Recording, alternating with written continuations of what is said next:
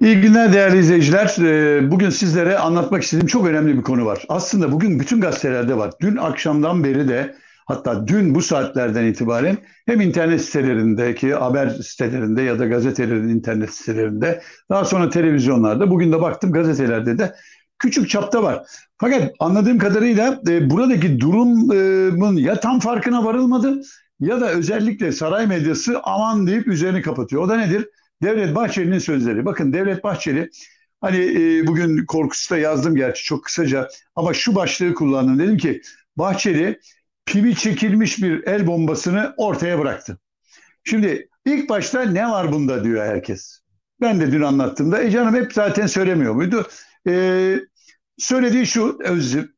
Tayyip Erdoğan üçüncü kez Cumhurbaşkanı adayı olabilir. Eğer olamayacaksa da biz elimizden geleni yapacağız. Yasal düzenlemeyi sağlayacağız. Şimdi bu ilk duyulduğunda belki çok etkili değildir. Ama son günlerde özellikle benim de size anlatmaya çalıştığım hani hem e, saray e, çevresindeki bir takım huzursuzluklar, endişeler hem Türkiye'nin artık bu iktidarın ülke sorunlarını taşıyamaz hale gelmesi ve her taraftan delik deşik edilmesi e, sorunu çok büyütüyor ve Bahçeli belki gene Bahçeliliğini yapacak diyordum. Evet şu anda yaptı. Bakın bugün itibariyle belki medyada çok konuşulmuyor ancak çok çok önemli bir iş yaptı Bahçeli ve belki de erken seçimin fitilini ateşledi bile. Yarın öbür gün çıkıp e, bu şartlar altında mecbur kaldık diyebilir. Şimdi konu şu.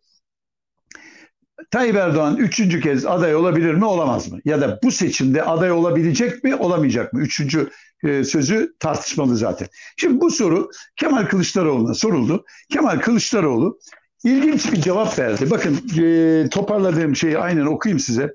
Tayyip Erdoğan'ın üçüncü dönem adaylığı için özel bir tartışma yapmayacağız. Tartışmalar artık geride kalmalıdır. Aday olmak istiyorsa buyursun gelsin.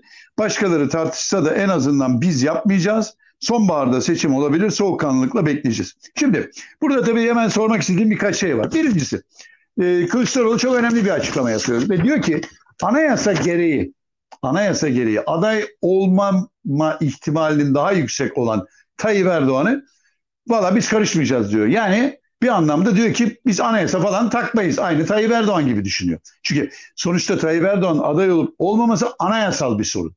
Bir tercih, bir temenni ya da yoruma açık değil. Anayasa konusu. E şimdi o zaman ben anayasayı ben de takmayacağım. E o zaman benim güvenim sarsılır bir kere onu söyleyeyim. Ha ama şunu tabii söylüyorlar. Buradan bir mağduriyet çıkarmayalım. Tayyip Erdoğan buradan işte bak beni öyle kesemiyorlar, böyle kesiyorlar deyip çıkar. Bu makul karşılanabilir. Ama o zaman da şunları sormak istiyorum. Geleceğim konuya. Kemal Kılıçdaroğlu bunun birine sordu mu partiden? Pat diye açıklama yaptı. Yani partinin genel başkan yardımcıları, MYK üyeleri, parti e, meclisi bu konuda hem fikir mi? Yani Tayyip Erdoğan adaylığını biz hiç konuşmayalım. Onu mağdur duruma düşürmeyelim. Gidelim seçime, seçimde yeneceğiz. Bu fikir şey mi? Bu bir. İki, e, partisindeki yönetim aynen böyle düşünüyor mu? Ve üçüncüsü de aldım notu okumam lazım yanlış bir şey söylemeyeyim diye. Ha şimdi e, sonbaharda bir erken seçim olabilir diyerek aslında zaten e, Kemal Kılıçdaroğlu ve CHP Erdoğan'ın başkan adayı, cumhurbaşkanı adayı olup olmayacağı konusunu gündemden düşürüyor doğal olarak. Çünkü neden? Dedim ya Tayyip Erdoğan'ın adaylığı keyfe gider bir durum değil. Bir anayasa sorunu. Anayasaya uymak ya da uymamak. Tayyip Erdoğan üçüncü kez aday olabilir mi konusu hukuken açıktadır bakın. Kesin hüküm veremiyorum. Ha karine yoluyla ya da içtihatlara bakarak yani Abdullah Gül'e uygulanan yönteme bakarsak Tayyip Erdoğan aday olması zaten mümkün değil. Çünkü Tayyip Erdoğan iki defa üst üste seçildi. Biri 2014'te biri 2018'de Cumhurbaşkanı. Ama efendim farklı anayasalar. Tamam farklı anayasalar doğru ama Abdullah Gül de çok daha farklı bir anayasayla Cumhurbaşkanı seçilmişti. Ama ona yorum yaptılar ve dediler ki zaten aday olamıyor. Ama o dönemi geride bıraktık. Şimdi ise Tayyip Erdoğan'ın adaylığı anayasa sorunu olduğu için bunu böyle keyfimiz yani o istiyorsa aday olsun şeklinde geçiştiremez. Ha buradan mağduriyet oluşturmayalım derken de anayasa suçu işlemeyin diyorum. Ama zaten eğer Avusturya Tayyip e, şeyin Kemal Kılıçdaroğlu'nun tahmini gibi yılın sonuna doğru bir seçim olacaksa bu erken seçimdir. İşte o zaman oluyor. Çünkü anayasanın 110 101. maddesi diyor ki bir kişi en fazla iki kere üst üste Cumhurbaşkanı seçilebilir nokta. Bunun tek istisnası 116. maddede dile getirilmiş anayasanın yine. Bu da Cumhurbaşkanı'nın işte görev, yetki, sorumlulukları falan sıralarken orada da diyor ki eğer Cumhurbaşkanı ikinci kez seçilmiş olduğu bir dönemde parlamento erken seçim kararı alır ise o zaman mevcut Cumhurbaşkanı'nın yeniden aday olması mümkündür. Zaten bunu Tayyip Erdoğan'a bir dönem daha koyabilmek için bu maddeyi koydular. Yani o şarta bağladılar. Evet, e, seçilebilir mi? Seçilebilir ama meclis karar versin diye. Şimdi geliyorum esas Bahçeli'ye. Şimdi bakın Bahçeli net söylediklerini sıralayalım şimdi. Bir, diyor ki adayımız Erdoğan'dır. Tamam. Bunu zaten söylüyordu. İki, tartışma büyürse aday olup olmaması konusunda tartışma büyürse üzerimize düşeni yaparız. En az üç dönem seçilebilmesi için yazal düzenleme yapılmasına var gücümüzle çabalarız diyor. Şimdi bakın kilit cümle bakın bu. E, Tayyip Erdoğan'ın e, aday olmasında bir, sorun yok. Bir, orada bir, e, sıkıntı yok. Efendim Cumhurbaşkanı adayımız e, Tayyip Erdoğan'dır. Burada hiçbir sıkıntı yok. Sadece hani Milliyetçi Hareket Partisi'nin varlık sebebini çöpe atmak gibi bir şey oluyor. Yani ben asla kendi içinden bir cumhurbaşkanı koymayacağım. Tayyip Erdoğan tamam ona da kabul ediyorum. Fakat kilit şu. Velev ki aday olamıyor. Ha işte bomba bu. Bunu getirdi şimdi koydu. Yani diyor ki Bahçeli Tayyip Erdoğan'ın Cumhurbaşkanı adayı olma konusu bize göre sorunsuzdur ama sorun vardır diyor. Yani ben Cumhurbaşkanı adayı olabilir diyorum ama burada anlaşıldığı kadarıyla hukuki bir sorun çıkabilir. Ha, o zaman ben elimden geleni yapayım ki ne yapacaksınız? Anayasa değişikliği. Anayasa değişikliğine oyunuz yetiyor mu? Yetmiyor.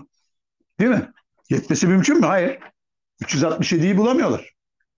367'yi bulamıyorsan demek ki Cumhurbaşkanı Tayyip Erdoğan'a üçüncü defa Cumhurbaşkanı adayı olma imkanını tanıyan bir değişiklik yapman mümkün değil. Anayasa e, değişikliğindeki oylama gereği. O halde o halde bakın bir tek şey kalıyor. Erken seçim. Erken seçim kararını parlamento aldığı an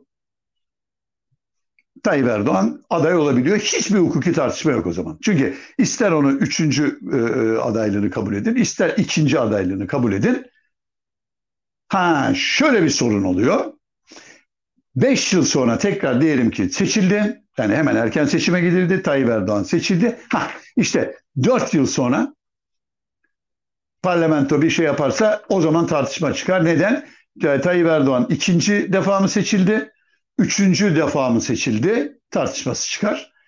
Ama onu zaten bu seçimi, e, erken seçimi yapıp kazanır da bir beş yıl üzerine geçirirse ondan sonraki seçime bile hiç gerek kalmaz. Tayyip Erdoğan yüzde 85-90 oy alan aynı işte Aliyev gibi ya da işte Sisi gibi e, Esat gibi bir e, konuma ulaşmış olur. Yani o şu anda tartışmaya bile giriyor ama o tartışma var. Ha, demek ki MHP durumun aslında e, ters gittiğini ve Tayyip Erdoğan aday olamama ihtimalinin çıktığını göre. Peki MHP'yi burada telaşlandıran ne? Şimdi bakın söyleyeyim. Neden MHP bir çıkıntı yaratacak, Bahçeli bir numara yapacak ve ülkeyi erken seçime götürecek? Bakın şurası bir gerçek ki Tayyip Erdoğan ve etrafı özellikle etrafı MHP'den belki de kurtulmak istiyor. Çünkü neden? Yeni ittifaklar arıyorlar. Bu yeni ittifakların başında size söyleyeyim HDP geliyor. HDP ile inanılmaz görüşmeler yapılıyor. E, İmralı'daki terör e, örgütü lideri, e, ağırlaştırılmış, müebbete çarptırılmış terör örgütü lideriyle her gün görüşüyorlar. Fikirlerini alıyorlar. Oradan HDP seçmenine HDP'nin yönetim kadrosu nasıl baskı yapılabileceğini konuşuyorlar. Abdullah Öcalan için kısmi bir af çıkabilir. Genel bir şey içinde daha önce anlattım size. Onun hazırlıkları yapılıyor. Bekir Bozdağ'ın geliş sebebi belki de bu. Genel affı ama özel olarak bu ağırlaştırılmış müebbet hapse mahkum ve aftan yararlanamayacak denilen.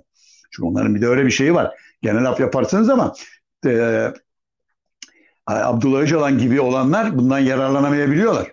Onun için özel bir şey çıkarmanız lazım. İşte o özel mi e, torba kanunlar içinde geçiri verecekler dediğim e, 70 yaşını aşmış ve fiilen 20 yılın üzerinde hapis yatmış olan kişiler ev hapsine alınır diye af maf da bahsetmeden önce ev hapsine almak sonra onları dışarı çıkarmak mümkün. Şimdi bu bir yani HDP rolü. İki bakın partner değiştirmek istiyor. Şimdi Tansu Çiller olayı işte burada önem kazanıyor.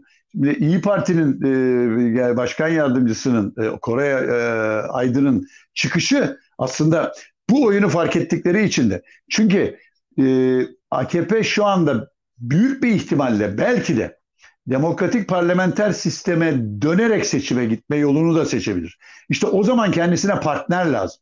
Ve o partnerin MHP olması giderek zorlaşıyor. Neden? Çünkü MHP'nin oyu belki de indirilmek istenen barajın bile altında kalacak. O zaman AKP diyor ki arkadaş ben %5, %7'nin bile altına düşmüş MHP'yi niye sırtımda taşıyayım? Daha güçlü bir ortak lazım. Bu açıktan HDP olmayabilir ama İyi Parti olabilir. Şimdi buradan sakın şunu çıkarmayın. İyi Parti ile pazarlıklar yapılıyor, o olacak Tansu şey ve Meral Akşener e, satar. Ha, sakın ha. Öyle bir şey yok şu anda. Ama AKP bunu hesaplamak zorunda. İşte Tansu Çiller faktörünün devreye sokulmasında ben böyle bir hazırlık olduğunu seziyorum.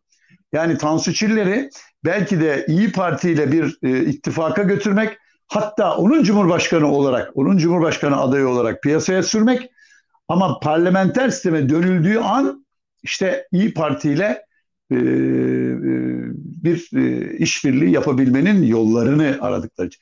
Gözlüğüm kadarıyla da Bahçeli ve ekibi bunu fark ediyor. Bakın son günlerde Ankara'dan çok sayıda bu tür haber alıyoruz. Yani gazetelere baktığımızda görülüyor. Yani MHP'den rahatsızlık var, MHP e, sıkıntılı, MHP bazı talepleri, işte bu seçim kanunu falan onlar rahatsızlık veriyor. Bakın e, MHP seçim kanunu çıkmadan e, ülkeyi seçime götürebilmek için adım atacaktır. Niye diyorum bunu? Çünkü AKP seçim kanununu tamamen kendine yarayacak bir şekilde hazırlamak istiyor. Örneğin %7 barajını getirip ama bu barajı geçemeyenler ittifakta da olamazlara getiriyor. O zaman MHP'ye şunu diyecek. Arkadaş bak sen %7'yi geçemeyebilirsin. Ya bana katıl beraber girelim o zaman ittifak olur. Bana katılırsın senin bütün milletvekillerini benden gösteririm. Ha işte MHP o zaman tümüyle bitmiş oluyor. O halde buna maruz kalmamak için bir hamle yapmak durumunda. AKP'yi zora sokmak durumunda. İşte sözünü ettiğim o pimi çekilmiş el bombası bu. Şimdi bunu ortaya koydu. Sabih Kanadoğlu'ndan çok korktukları çok belli oluyor. Neden? Çünkü Sabih Kanadoğlu 2007 yılında 367 konusunda ortaya koyduğu tezi kabul ettirmiş bir hukukçu.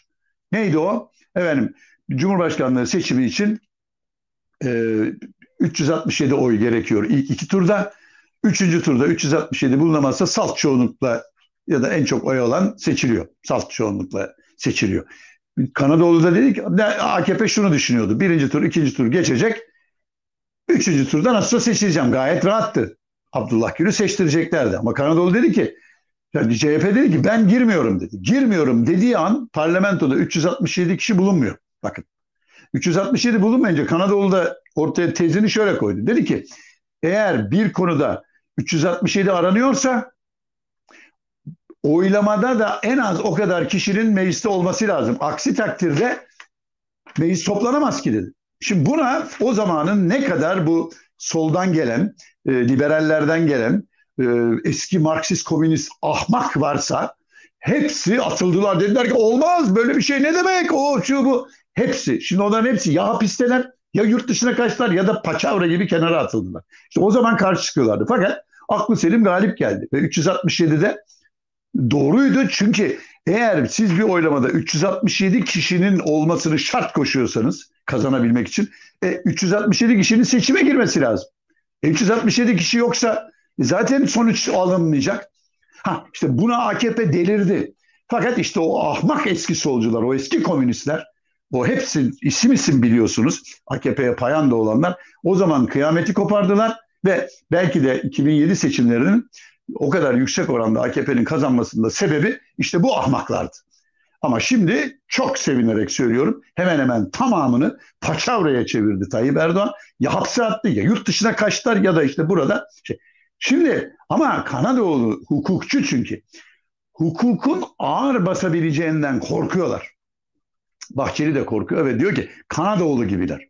Ama işte o da onun aleyhine. O halde Türkiye'yi çok hızlı bir şekilde seçime götürme anahtarı yine Bahçeli'nin elindedir. Bunu söylemiş olayım diyorum. Evet, bugünlük bu kadar. Yarın tekrar e, görüşeceğiz.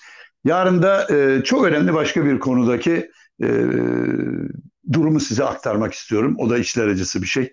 Bugünlük bu kadar. Hoşçakalın.